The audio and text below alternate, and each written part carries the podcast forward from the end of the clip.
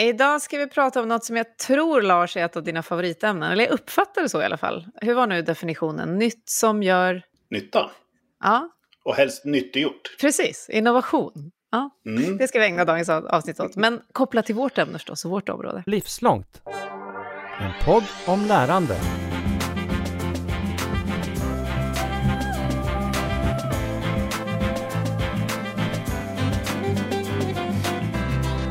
Men då ska du få en liten fråga här, så här på en fredag eftermiddag när vi spelar in. Vad är det mest innovativa du har gjort i ditt liv? Oj. Ingen press, nej. Ingen alls. Det mest innovativa jag har gjort i mitt liv. Ja, alltså jag startade ett företag eh, tillsammans med en kompis. Eh, det var i grunden hans idé och jag hakade på eh, som sysslar med att livestreama ungdomssport. Och för åtta år sedan så hade vi en idé om att använda kameror för Eh, eh, fjärrstyrda kameror eh, och någon form av AI-programvara som skulle kunna automatiskt klippa ut bilden. Vi var för tidiga och vi fick lägga det lite grann i malpåse. Men för ungefär ett år sedan så kom tekniken på plats och nu är det full fart på det kan jag säga. Mm. Så att det har verkligen tagit superfart. Det var ändå en idé som vi födde för ganska länge sedan. Som nu faktiskt är realiserad till mångt och mycket av andra. Men jag har fortfarande en fot i det där. Det är väl en ganska kul. Och till nytta för vem? Till nytta för farmor som bor i eh, Boden och vill titta på eh, barnbarnets eh, innebandyturnering i Stockholm. Underbart. Till exempel. Mm. Mm. Fantastiskt bra. Coolt. Jag tänker, och anledningen till att jag ställde frågan är att vi ofta tänker att innovation är något jättestort. Mm. Och att det kan vara väldigt olika vad som känns nytt och nyttigt och hur man nyttiggör och sådär. Häromdagen tittade jag på en annan kollegas eh, en administrativ rutinåtgärd som den kollegan gjorde, min favoritgren som du vet Lars. Och så bara frågade jag, hur kommer det sig att du gör så där? Kan du testa så här istället? Och den personen hade liksom aldrig tänkt på det, blev nästan mindblown. Och för mig var det bara ingen känsla av innovation alls. Men var det då en nyttig innovation för någon annan? Mm. Jag tror att vi behöver en forskare och expert till att reda ut det här. Så det känns som att vi behöver lite hjälp. Här. Ja, jag tror det. Jag som heter Katarina Pietschak och du, Lars Lingman, har idag i Livslångt med oss Leif Denti Hej. som är med i veckans gäst. Hej, välkommen till Hej. Livslångt. Du, du forskar på ledarskap, kreativitet, organisatorisk innovation. Vid Göteborgs mm. universitet finns du. Men vad betyder det? Vem är du i det här sammanhanget? Vem är jag? inte det en uråldrig fråga, Katarina? Jo, det är en uråldrig och existentiell. Känn dig själv liksom. Ja. ja. oraklet i Delphi. Nej, men jag, jag är, ska säga att jag är en nyfiken person framför allt. Uh, väldigt vetgirig. Jag har en hjärna som vill förstå, förstå mig på den här världen jag har blivit inkastad i. Um, och um, därför så funkar ju väldigt bra för mig att vara forskare för det är ju typ det man ska syssla med helt enkelt. Ja. Uh, skapa ny kunskap och, och sådär. Och sen så av olika anledningar har jag liksom kommit in på det här med arbetslivet och innovation. Jag tycker att innovation är så himla intressant för att det är svårt och motsägelsefullt på många sätt. Och uh, på något sätt liksom körsbäret på toppen. Liksom Funkar det med ledarskapet, funkar det med kulturen, funkar det med processerna och styrningen, ja men då kanske man lyckas med det. Man måste ha många andra saker på plats för att kunna lyckas. Så det, det är därför jag liksom tycker det är så intressant med innovation. Uh, och det finns många, mycket liksom i det här begreppet, i och med att vi ska prata om lärande i den här podden, som uh, man får liksom lära sig nytt för att kunna lyckas med innovation. För det är liksom lite nya grejer man ska syssla med helt enkelt. Mm. Jag fick själv frågan idag, vad är det i det här med lärande som du är så engagerad i? Mm. Och då var jag tvungen att tänka efter väldigt noga eftersom jag är väldigt engagerad, men att det är någonting att alltid titta runt nästa hörn. Mm. Så hur skulle du säga att innovation och lärande liksom verkligen tajt hör ihop? Alltså, det, det, det är en jättebra fråga. Innovation är ju vad är det liksom? Vi kan börja där. Eh, det är ju någonting som skapar nytta för någon, någon annan. Alltså till exempel, säg att en offentlig verksamhet hittar ett sätt att uh, göra sina bygglovsprocesser mycket kortare än vad de är. Eh, tidigare i Göteborgs stad så har bygglovsprocesserna varit kanske upp, ett, upp mot ett år långa. Liksom. Du lever i 80 år och så ska du lägga ett år av de 80 åren på att sitta fast i kommunens bygglovsprocess istället för att njuta av ditt bygge. Uh, så att genom att förkorta den processen så skapar man ju värde och nytta för de som ska njuta av sina så att säga, byggnationer då till slut. Uh, så det, kan, det är ett exempel på innovation. Det är någonting nytt som skapar nytta Um, jag tycker det är en väldigt bra definition faktiskt. Det, det var ju den du sa Lars också inledningsvis här. Um, så att grejen är att när man ska göra det här nya, när vi ska söka oss ut på de här nya vattnena, uh, då är det tyvärr så att vi har uh, all våran erfarenhet som, som vi så bra samlar på oss under, under vårt liv. Den erfarenheten, den gäller inte längre. Mm. Liksom den har vi lämnat i den trygga hamnen bakom oss för vi, vi, vi ska försöka hitta kanske nya tillämpningar av hur man bedriver en process till exempel. Um, vi ska kanske hitta nya tjänster som vi ska erbjuda en marknad. Vi, vi har inte erfarenhet av dem innan utan vi, det är det vi ska hitta på. Så vi, vi, vi liksom söker oss ut på helt nya vatten. Och den som är bra på att lära sig vad som funkar och vad som inte funkar. Eh, och vad liksom målgruppen uppskattar och inte uppskattar. Den som gör det, den som lär sig det snabbast, den vinner skulle jag säga. Mm. Mm. Så att lärandet är liksom en, en otroligt central komponent i att lyckas med förändringsarbete och innovationsarbete. Um, så att, det kan vi prata om hela dagen. Sådär. Men det, ja, jättegärna. Det, så är det verkligen. Liksom. Det, ja. Innovation är lärande på många sätt. Mm. Jag tänker när du berättade så tänker jag också på att vi ibland i olika sammanhang pratar om att avlära. Att om mm. vi ibland har de där erfarenheterna med så kanske de står i vägen för att tänka det helt nya. Är det något du känner igen? Ja, verkligen. verkligen. Um, ta till exempel det här med den här nya hybridtillvaron vi, vi har gått in i, distanstillvaron vi har gått in i. Um, 2020, nu kommer en story och sen kommer det en poäng typ. Tack för deklarationen. runt så här 2020 på hösten där så uh, blev jag kontaktad av två separata liksom, konferenser som hade uh, liksom byggt upp en egen plattform på nätet. Man hade liksom tagit, uh, ni vet hur det brukar se ut på en konferens, man har eh, typ en huvudscen. Mm. Man har liksom eh, sidorum där det kan finnas saker som händer där. Och Sen finns det en utställningshörna ofta med liksom utställare. Och då hade man typ byggt det här eh, fast digitalt. Mm. Så liksom, du surfar in på en webbsida och så kan du ja, klicka där för att komma till stora scenen och klicka där för att komma till liksom, informationsdisken och klicka där för att komma till utställarna. Och jag bara så här, vem fasen klickar på utställarna liksom, digitalt?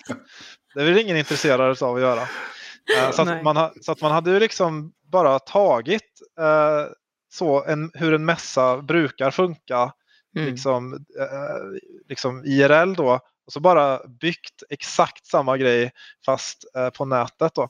Och det är samma sak med, nu har, nu har vi jobbat under en pandemi i två år och alla jobbar på Teams eller någon form av liksom, mötesplattform. Mm. Uh, och vad, vad, sitter vi och gör där? Jo, vi sitter och har möten med varandra. Mm. Uh, och jag pratar med chefer, liksom, alla är skittrötta på de här mötena. Man liksom kallar in varandra till möten hela tiden.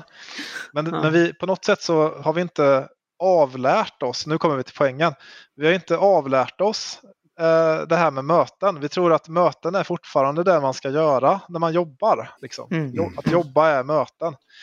Eh, men, men grejen är att den digitala världen, den vi ska träda in i nu, det finns massvis med alternativ till att ha möten och vara mycket effektivare än så. Um, faktum är att jag, jag anser själv att möten, mängden möten i en organisation är ett tecken på ineffektivitet. Oj då Lars. Mm. Vad säger ni om det?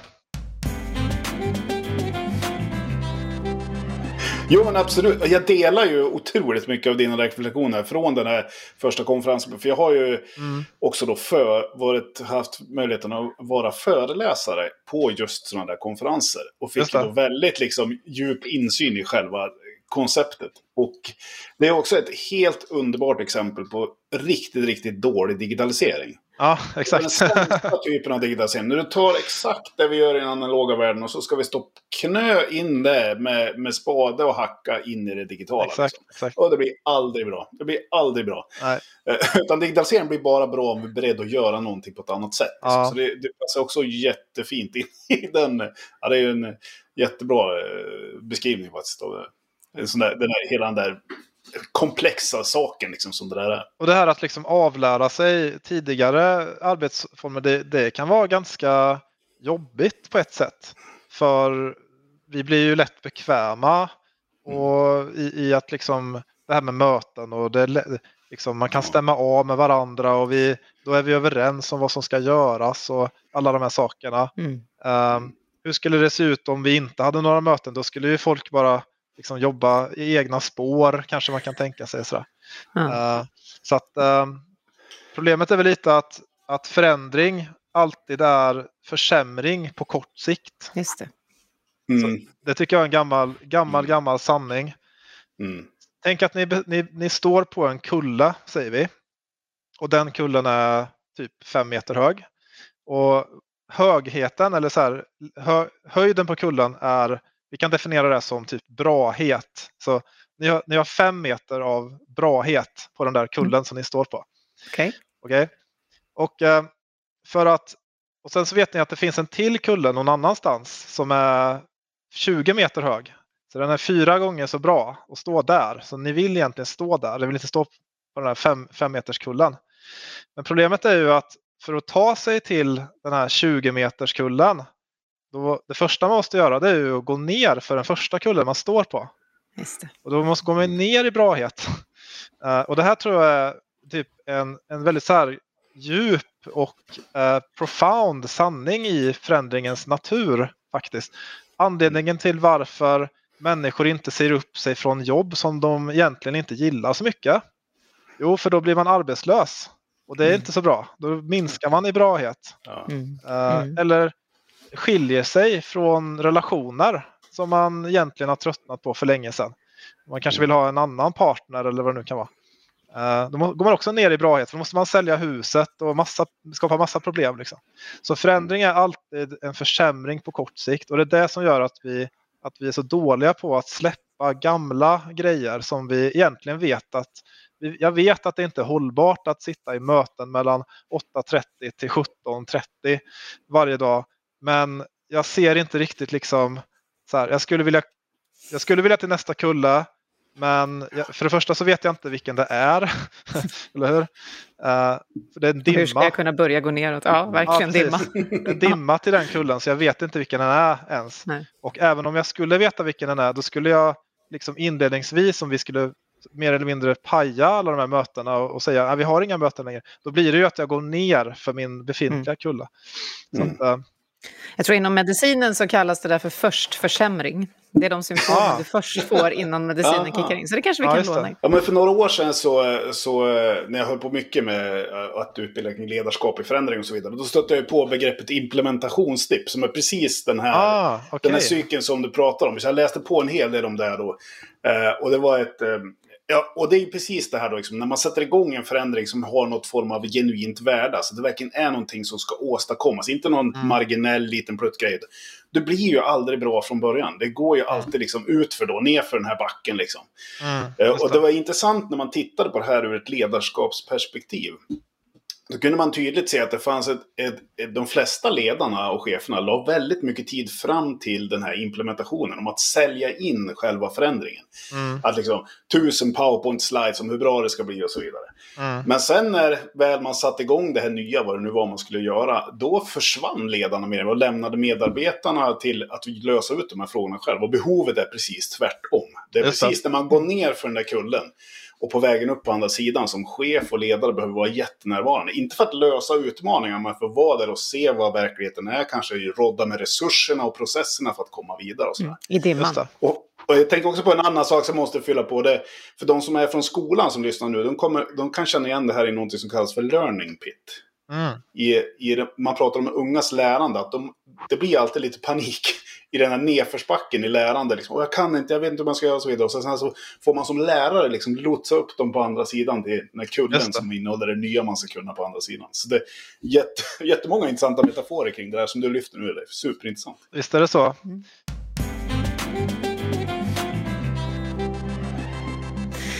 Jag tänker också att eh, ibland när vi kommer ut och jobbar med lärande i olika sammanhang så ser man att folk, det tänds någon gnista och sen så blir det nästan lite så desperat. Liksom att jag, jag, jag, är trött på det eller jag orkar inte. Och en sak som har börjat segla upp den senaste tiden tycker jag det är att ja, men det verkar som att allt lärande, paradigmet kring det just nu, det är för någon slags kompetensförsörjning. Det är för så arbetsmarknaden och sådär. Och samma sak har jag hört kring innovation.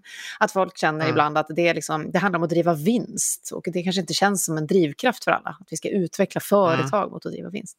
Hur känner du för det ordet innovation och kanske också lärande, Leif, efter all din forskning och alla föreläsningar och samtal? Eh, vad jag känner inför ordet innovation? Alltså jag, jag, jag tycker det är ett ganska komplicerat ord faktiskt.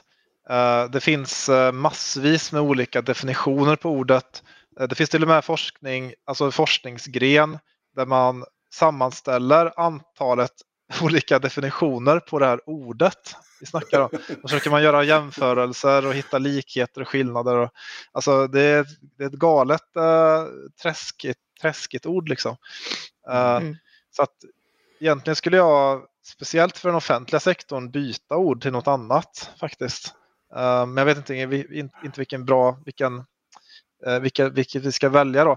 Men i alla fall, med det sagt så tror jag att vi måste ha mer innovation i framtiden. Vi har massvis med utmaningar som kommer att kicka in, eh, speciellt för Sverige i den offentliga sektorn från 2025-2026 ungefär. Mm. Um, så att vi måste bli bättre på det. Och, Varför just de åren? 25 mm, Vad händer då? Det beror, det beror på vilken rapport man, man eh, läser, men det, det, är liksom olika trender som håller på att konvergera här. Liksom. Dels är det den demografiska utvecklingen i Sverige och då har typ SKR till exempel kommit ut med en rapport där man, man menade att ungefär 2026 så kommer eh, den offentliga sektorn och i synnerhet vård och omsorgssektorn då att dras med ett budgetunderskott på ungefär 30 procent jämfört med idag. Och det är ganska mycket pengar vi mm. snackar om. Mm. Um, det, det, är så mycket att man skulle behöv, behöva höja kommunalskatten med 11 procentenheter för att klara av oj, det här. Så, mm. liksom, och det är för att vi blir äldre och då mm. kostar mm. vi mer och sen så kommer det inte upp folk från skatt, i skattebetalarålder underifrån så att säga. Så det är en sån grej. Sen har vi mm. inflationen som gör att folk kommer att lägga mindre pengar på att konsumera eftersom man måste lägga sina pengar på att köpa de varorna som man ändå måste köpa. Eh, för att överleva helt enkelt. Och det är ju inflation i de, här tre, i de här två stora kategorierna mat och i energi. Uh, och då är det elektrisk energi som vi har känt av sedan i vintras där många har fått eh, liksom, elräkningar på många tusenlappar mer än vad man annars mm. är van vid. Mm. De tusenlapparna går ju inte åt till att betala restaurangbesök eller biobesök eller mm. köpa kläder utan det är bara ren och skär dumpa, alltså mer eller mindre dumpa pengarna i sjön liksom. Genom att, mm. genom att vi måste ha energin. Och sen naturligtvis olja och transport, eh, bensin och diesel. Så, och mm. då betyder det att vi kommer få mindre konsumtion, då blir det mindre skatteintäkter för staten eh, och så vidare. Plus att Riksbanken måste höja räntan, vilket i sig också innebär att folk kommer att lägga mindre pengar på sin konsumtion, vilket innebär mindre pengar för statskassan. Uh, alltså, så att, Helvete, en apokalyps ja, i antågande här. jag, jag, är ganska, alltså fan, egentligen så är jag ganska optimistisk som person liksom. Ja. Uh, men, men när jag tittar på de här grejerna som håller på att hända så, så blir det liksom en perfekt storm som kommer att mm. ske uh, liksom det här decenniet då. Jag hoppas att jag har fel. Men mm. jag, jag, tror att den offentliga sektorn kommer att behöva ha liksom, vad ska man säga, öka sin förändringsförmåga ganska så kraftigt. Liksom. Mm. Um, och som tur är så gör man det. Man, uh, man, är, man är faktiskt intresserad av att uh, lära sig hur man lär sig, så att säga, hur man innoverar. Så det är väldigt positivt faktiskt. Ja, vi, vi, har gjort en, um, håller på att sammanställa en rapport där vi har gjort djupintervjuer med eh, personer som jobbar med innovation i offentlig sektor. Ja. Uh, och just det här som du är inne på här med alltså det här begreppet och hur krångligt det är att, liksom, och att det inte finns då kanske någon superdefinition av det och så vidare. En sak som vi har stött på i de intervjuerna är det att man förväxlar innovation med verksamhetsutveckling. Mm. Och att man tänker att man håller på med innovation fast egentligen är det verksamhetsutveckling. Mm. Och de som skriver den här rapporten menar på att verksamhetsutveckling är de vi vet ungefär vad det är vi ska göra. Eh, mm. Medan innovation, då känner vi inte den här vägen. Liksom. Vad, vad, tänker du när jag säger så? Håller du med? Vad tänker du? Ja, precis. Jag, jag tycker att det uh, makes sense för mig också. Um, verksamhetsutveckling är ju att liksom förbättra dagliga processer, hitta sätt att spara tid. Um, en av mina favorit uh, arbetssätt är ju det här med hatthyllor till exempel. I, känner ni till det? Hatthyllor? Jag har inte jobbat med hatthyllemetoden. Nej, Nej okej. Okay. Det här kommer ifrån uh, Mats Tyrstrup som uh, han är forskare på Stockholms universitet. Då. Uh, och då, så han, han har kompisar då som har berättat för honom att på 20-talet så skruvar, skruvade väldigt många svenskar upp hatthyllor i sina hem. 20-talet. Varför tror ni att det blev en hatthylleboom liksom på, just på 20-talet? 1920-talet pratar vi om då, gissar jag. Mm, exakt. Ja. Mm. Eh, det var väl ett väldigt starkt hattmode då, var det inte det? Yes, det fanns ju hattar, ja. men det var inte det som var skälet. Nej. Det hade att göra med våra åttabenta vänner. Spindlarna? Ja, de är spindeldjur, precis. De bor ja. hela sina liv i våra hårbottnar, hela sin livscykel. Okej. Okay. Ja, lusen eller? Ja, huvudlössen, precis. Ja.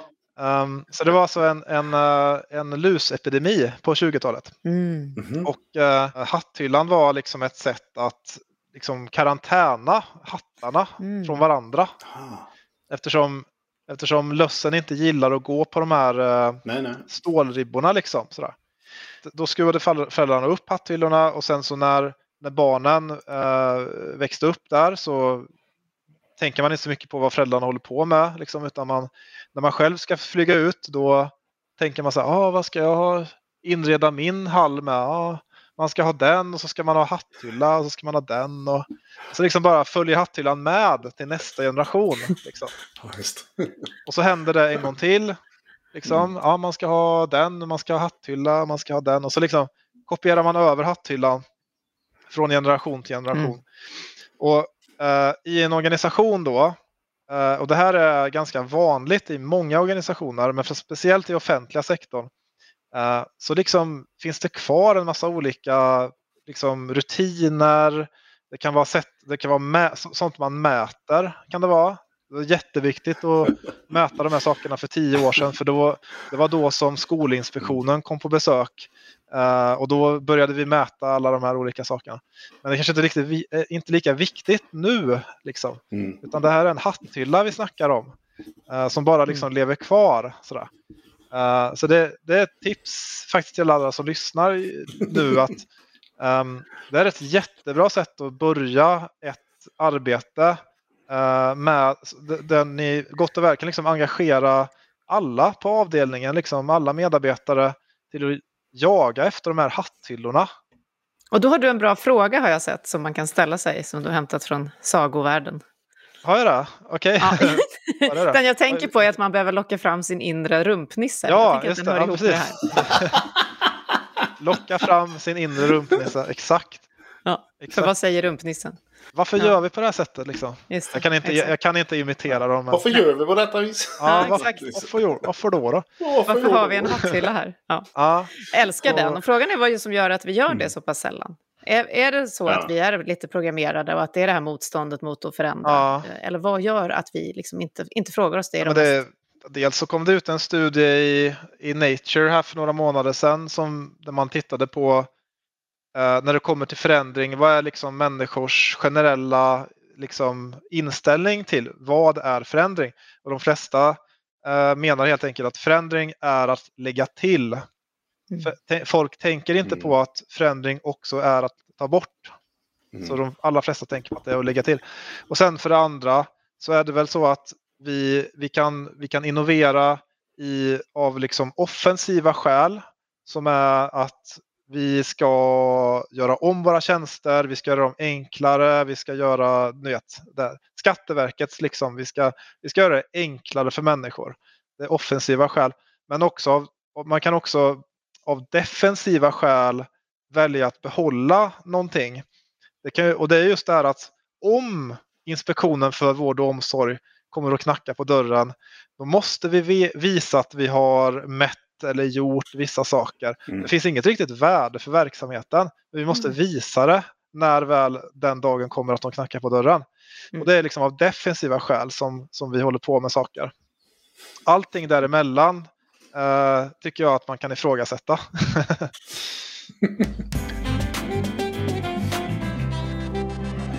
Och det du pratar om där då är ju rädslan på något vis för att få den där påknackningen och att man ska visa att man har gjort rätt. Ja. Och då vet jag ju att du som en av förutsättningarna för innovation pratar, och lärande pratar om att vi måste göra upp med nollfelskulturen. Mm. Och då yes. undrar jag bara, ingen säger ju att den har en nollfelskultur, utan alla säger ju att, pratar om vikten av att kunna misslyckas och så. Ja. Så, så hur, hur gör man den? Hur gör man en kultur som inte bygger på nollfelsinställning? Precis, alltså nollfelskulturen är ju då en kultur där folk vet med sig att skulle jag klanta mig eh, och, och, faktiskt göra ett ärligt misstag. Man kan ju faktiskt uh, göra ett stort uh, fel, alltså ett rött fel. Mm. Typ vara korrupt, man kan bryta mot lagen, man kan uh, skada folk. det är ju ordentliga fel som borde bestraffas. Men folk vet med sig att även om jag gör liksom ett ärligt misstag då, då kan jag också bli bestraffad. Då kan jag också få en kalldusch eller någon slags liksom, konsekvens av det som är negativ. Uh, och därför så inser man att fan, här är det inte värt, liksom, det, är inte, det är inte värt att prova någonting därför att skulle, det, skulle inte mitt projekt liksom, fungera hela vägen uh, då, kanske, då kanske jag ses som en, som en klantskalle eller liksom, uh, jag tappar respekt eller liksom, vad som helst kan det vara mm. som gör att man inte vill göra några fel helt enkelt. Um, och um, för att kunna råda bot på den uh, nollfelskulturen så har jag ett, ett antal tips. Liksom. Mm. Um, mitt, mitt bästa tips är att uh, faktiskt göra skillnad på röda fel och gröna fel. Uh, och, och, definiera felen. Mm. Uh, och det här har jag, det här har jag tagit ifrån en, en chef som är chef på barnakuten på, i Salgrenska alltså barn, barnakutavdelning för barn. Uh, och de jobbar väldigt bra med sitt innovationsarbete. Mm. Uh, det är visserligen verksamhetsutveckling, men jag skulle vilja påstå att uh, de har gjort så många olika sådana här små förbättringar att ackumulerat så är det fantastiskt mycket.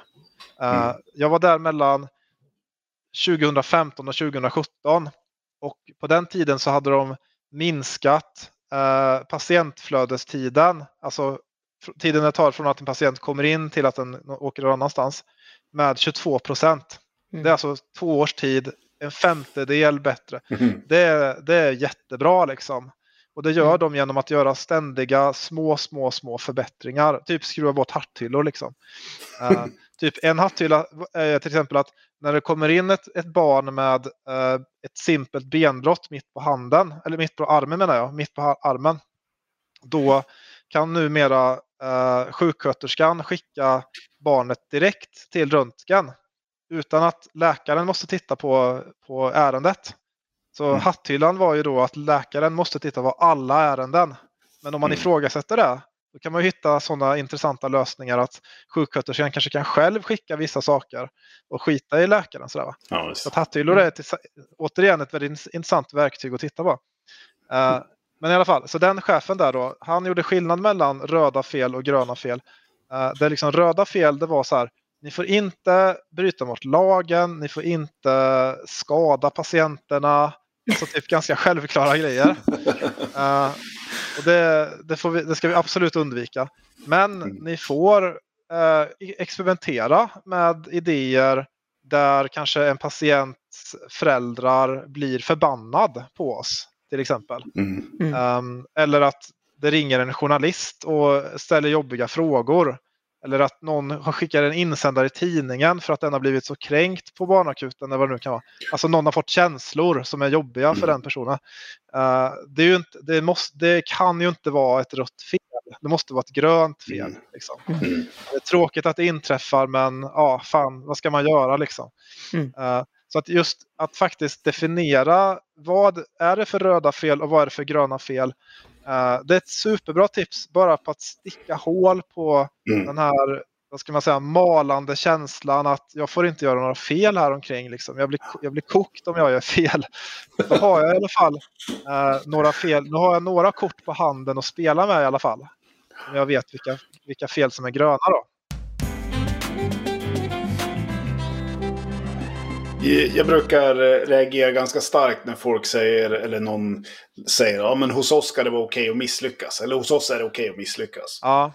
Och det är ju sån här, alltså människor är ju livrädda för att misslyckas. Ja, ja, alltså, om, om, om, man ska ha en sån liksom policy eller en sån kultur, så här, då måste man ju jobba otroligt mycket med att skapa en, liksom, en psykologisk trygghet för att ja, det ja. ska hända. Jag tror inte att man kan göra det ändå eh, om man använder begreppet misslyckas, för jag tror att det är ganska jag brukar säga, det är, inte, är det inte bättre att ni uttrycker det som att eh, hos oss ska det vara okej okay att lära sig?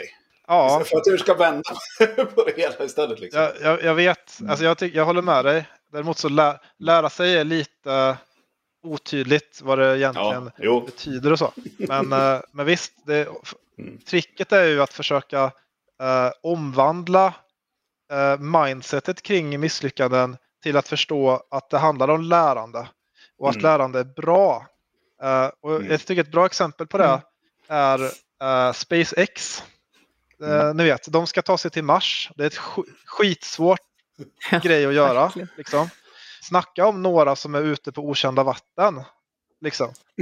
Um, och de, deras inställning till det här med misslyckanden och läranden är att så vad de gör är att de, de, de utvecklar ju sina rymdraketer så, och så ska de testa vad de har utvecklat. Då. Så packar de in ny teknik i uh, rymdraketerna. Massa styrsystem och motorer och you name it. Liksom. Uh, och så skjuter de upp raketen, ser om, ser om de har tänkt rätt. Och, uh, och de bryr sig liksom inte så mycket om uh, raketen sprängs eller inte. Det är inte det som är grejen. Utan de definierar lyckade uppskjutningar som mängden lärande vi gjorde på uppskjutningen. Mm. Inte huruvida den sprängs eller kommer ner helskinnad. Eh, så skjuter de upp en raket och den sprängs säger vi och så har de inte lärt sig någonting på det försöket. Då har de misslyckats. Annars, ju mer de lär sig, desto mer har de lyckats med sitt försök. Och grejen är att eh, misslyckanden, det är, ju, alltså, det är ju information som berättar för oss att den dörren, den var stängd. Eller mm. öppnade vi den dörren, då, då kom vi ingenstans. Alltså ska, ska, vi undvika den dörren i framtiden och ska vi testa en annan dörr att gå igenom. Det är information som hjälper oss att ta oss framåt nästa gång. Man måste se innovation som en multi-shot eh, fenomen. Det är inte one shot. Det är inte att ni sitter och, tror ni att SpaceX sitter och planerar liksom i, i, i, i flera år och så, har, så bygger de en raket bara och den ska funka så bra att de ska ta sig till Mars med den och sen ska de ta sig tillbaka Alltså glöm det. Liksom. Innovation är att ständigt testa nya modeller av den här raketen. Så att nästa gång kanske man kommer lite närmare. Och då måste man ju kunna misslyckas alla de här gångerna som den sprängdes. Det är ju läranden liksom. Som berättar Apropå för oss. att mäta rätt saker. Mm. Ja, precis. Jag tänkte vi skulle hinna med två korta grejer till innan vi avslutar. Du brukar prata om två händer vet jag, som i en organisation där man då lär massa nytt och innoverar. Va, vad är det de här händerna gör och hur kan man få dem att göra det vi vill? Alltså det, det där är en podd i sig. Men, oh. Den ena handen är ju, är ju när vi ska, liksom an, en organisation ska sköta sitt, sitt operativa arbete. Uh, och det kan ju vara att leverera på dagens affär. Liksom. Uh, vi behöver ha säljare, vi behöver ha supportpersonal, vi behöver ha sådana som levererar på den affären. Uh, våra fabriker ska pumpa ut saker, eller vad det nu kan vara som, som är viktigt mm. där. Och sen med den här andra handen så ska vi liksom hitta morgondagens affär. Uh, För att vi kan inte lita på att dagens affär alltid kommer att finnas där. Liksom. För det finns konkurrenter och andra saker som händer. Så vi måste också hitta morgondagens affär. Så ett, ett sånt där dilemma är ju liksom hur ska vi uh, försöka använda de här båda händerna samtidigt på ett bra sätt och binda, binda ihop de här två händerna så att vi både kan klara av dagens affär och hitta morgondagens affär.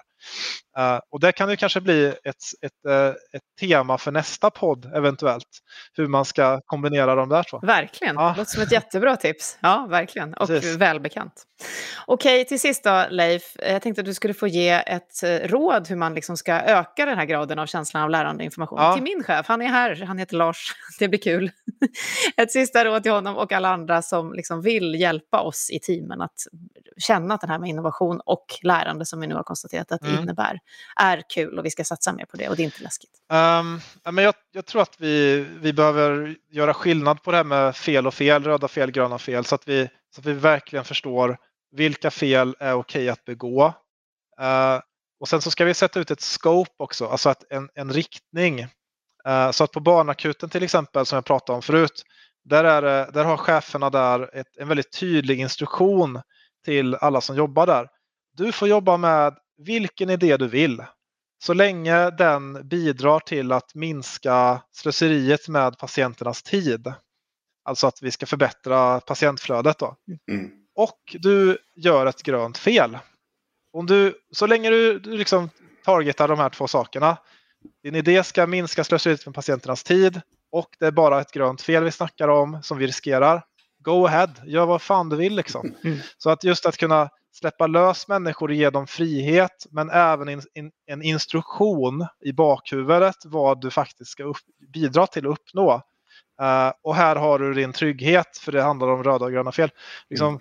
Emellan de tre grejerna så tror jag att man kan hitta massvis med motivation och vilja helt enkelt. Alltså, känns det som bra råd Lars? Du gör ju faktiskt väldigt mycket så måste jag säga. Mm. Ja, men, ja, men jag, jag, gillar den här idén med de här röda och gröna felen. För jag, jag tänker att det är precis, eh, jag tror att det, det, är en sån grej som man skulle behöva angripa. Stort tack för den lilla skolan och alla råden. Det låter som att vi kan göra många poddar till Leif. Ja, verkligen. Forskare vid Göteborgs universitet. Superroligt att prata med dig. Jättekul. Tack ska du ha. Tack. Hej. Ha det bra. Hej. Och nu eftersnacket. Um, ja, men uh, go ahead tar jag med mig. och springer. Hej då! ja, det var ju jätteintressant. Eh, eh, han hade många roliga begrepp för sig också. men som är jätte, alltså det här med hatthyllan var ju mm. jättebra. Har du någon hatthylla hemma, Katarina? Jag har den här bakom mig precis, det men så. det är inte så mycket hattar på den. Men, men den är, tror jag... Jag stod och funderade på den, så tänkte jag om jag skulle dra bort den här gardinen här bakom och visa. Ja. Den är väldigt mycket förvaring, för att det är ont om mm. plats. Och hallen är ju ett mm. kaosområde ändå. Så, så den ja, kanske inte är metaforisk, den hatthyllan. Men sån har jag säkert också. Och så får vi bevaka vår inre rumpnisse och ställa lite fler varför. Precis. Varför gör hon på detta viset? Varför gör hon på detta viset? Adressera de här hatthyllorna tycker jag. Mm. Där har jag varit med om att man har utsett någon i en grupp eller i ett sammanhang till så här, mm. the why person. Mm. som hela mm. tiden vet, sitter där och vet, jag ska fråga varför. Ja, det. Och det kan ju kännas lite konfrontativt och, och lite obehagligt. Och det är mm. kanske också bra att det är så. För att man måste utmana det som har hänt. Ja, visst. Mm. Ja, det här var väldigt intressant. Ja, det var väldigt intressant. Mm. Nu har vi ännu mer favoritområde innovation. Vi kommer tillbaka till det, det lovar vi. Det gör vi. Ha det bra. Trevlig helg säger vi då, eftersom vi spelar mm. in fredag. Hej då Lars. Hej då på det. Du har just hört Livslångt, en podd från RISE om allt det där man lär sig i livet. Vi hörs om en vecka igen. Varför då då?